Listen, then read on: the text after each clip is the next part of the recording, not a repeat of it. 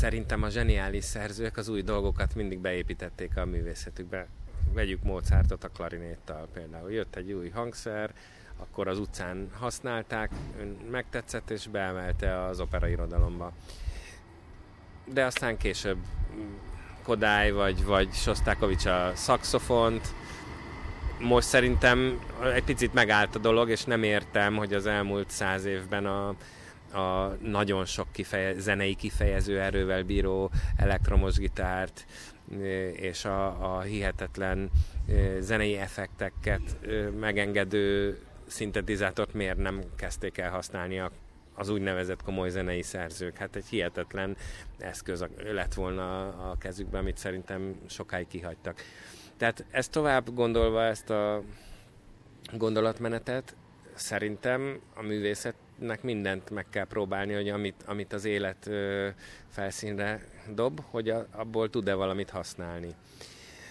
Na most akkor vá- idáig egy kalap alatt, innen válasszuk ketté, és akkor mondom az augmented meg a, a virtual reality-t a szenikában és a megvalósításban. Igen, például pont az operámmal, operánkkal, amit ugye Sziámi írja a szöveget, úgyhogy ilyen szempontból közös művünkben. Én gondolkozom ebben, hogy a megvalósítása az egy ilyen közeg, közegű színrevitelben történjen, mert mm, mert nagyon érdekel. A, ez, a, ez a világ nagyon passzol a témához, amit ebben az operában földolgozunk. Ugye itt hét angyalról van szó, ez egy ilyen spirituális regényből készült opera. Nagyon érdekel engem, és azon gondolkozom mindig, hogy Wagner hogy örült volna neki, hogy ugye a rajnai sellőktől a, a Valhalla elsüllyedéséig mi mindent meg lehetett volna csinálni.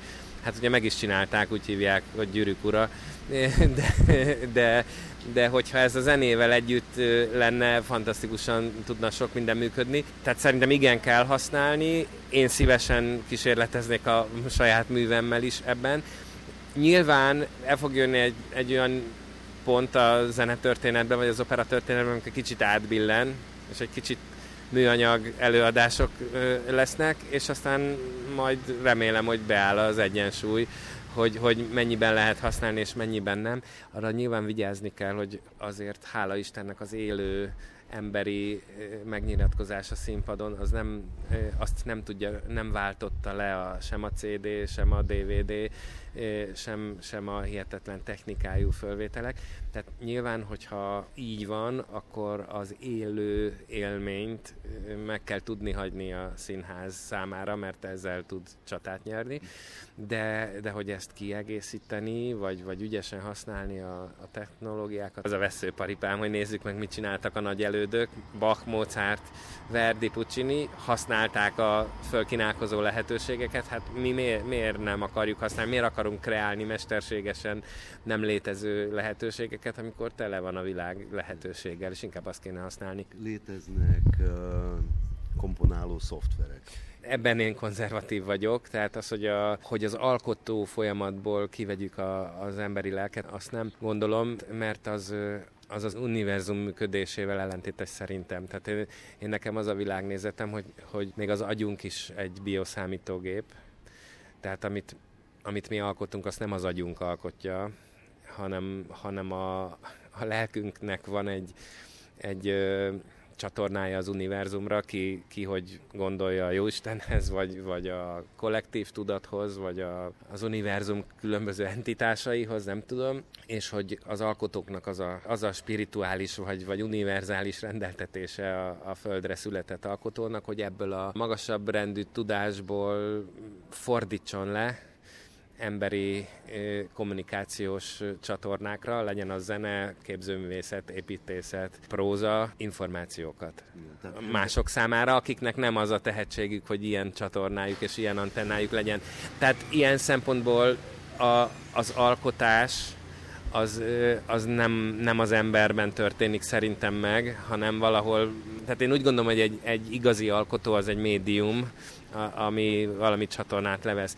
Na most, ha ez, az ez a bizonyos mesterséges intelligencia, amiről te beszélsz, ennek van csatornája, akkor ám legyen, de azt gondolom, hogy nincs. Tehát, hogyha ez, ez matematikai képletek alapján generált véletlenszerűen, vagy valamilyen szabályok alapján generált alkotás, de ezt nem hívom alkotásnak, ez össze, össze algoritmusok, igen, akkor, akkor azt gondolom, hogy, hogy nem, de nem azért, mert egy új dolog, amit én nem szeretnék befogadni, hanem azért, mert én azt gondolom, hogy az alkotás az, az amikor Mozart alkot, akkor sem ő alkot, hanem ő csak leveszi. Nyilván egy másik kérdésről kell beszélni majd akkor, amikor a mesterséges intelligencia meghaladja az emberi intelligenciát, hogy az majd milyen zenét fog létrehozni. Ezt nehezen tudom elképzelni a mai, eh, mai tudásunkkal, de azt el tudom képzelni, hogy lesz ilyen, vagy, vagy létrejön, de, ez, de csak akkor jöhet létre a mai tudásom szerint,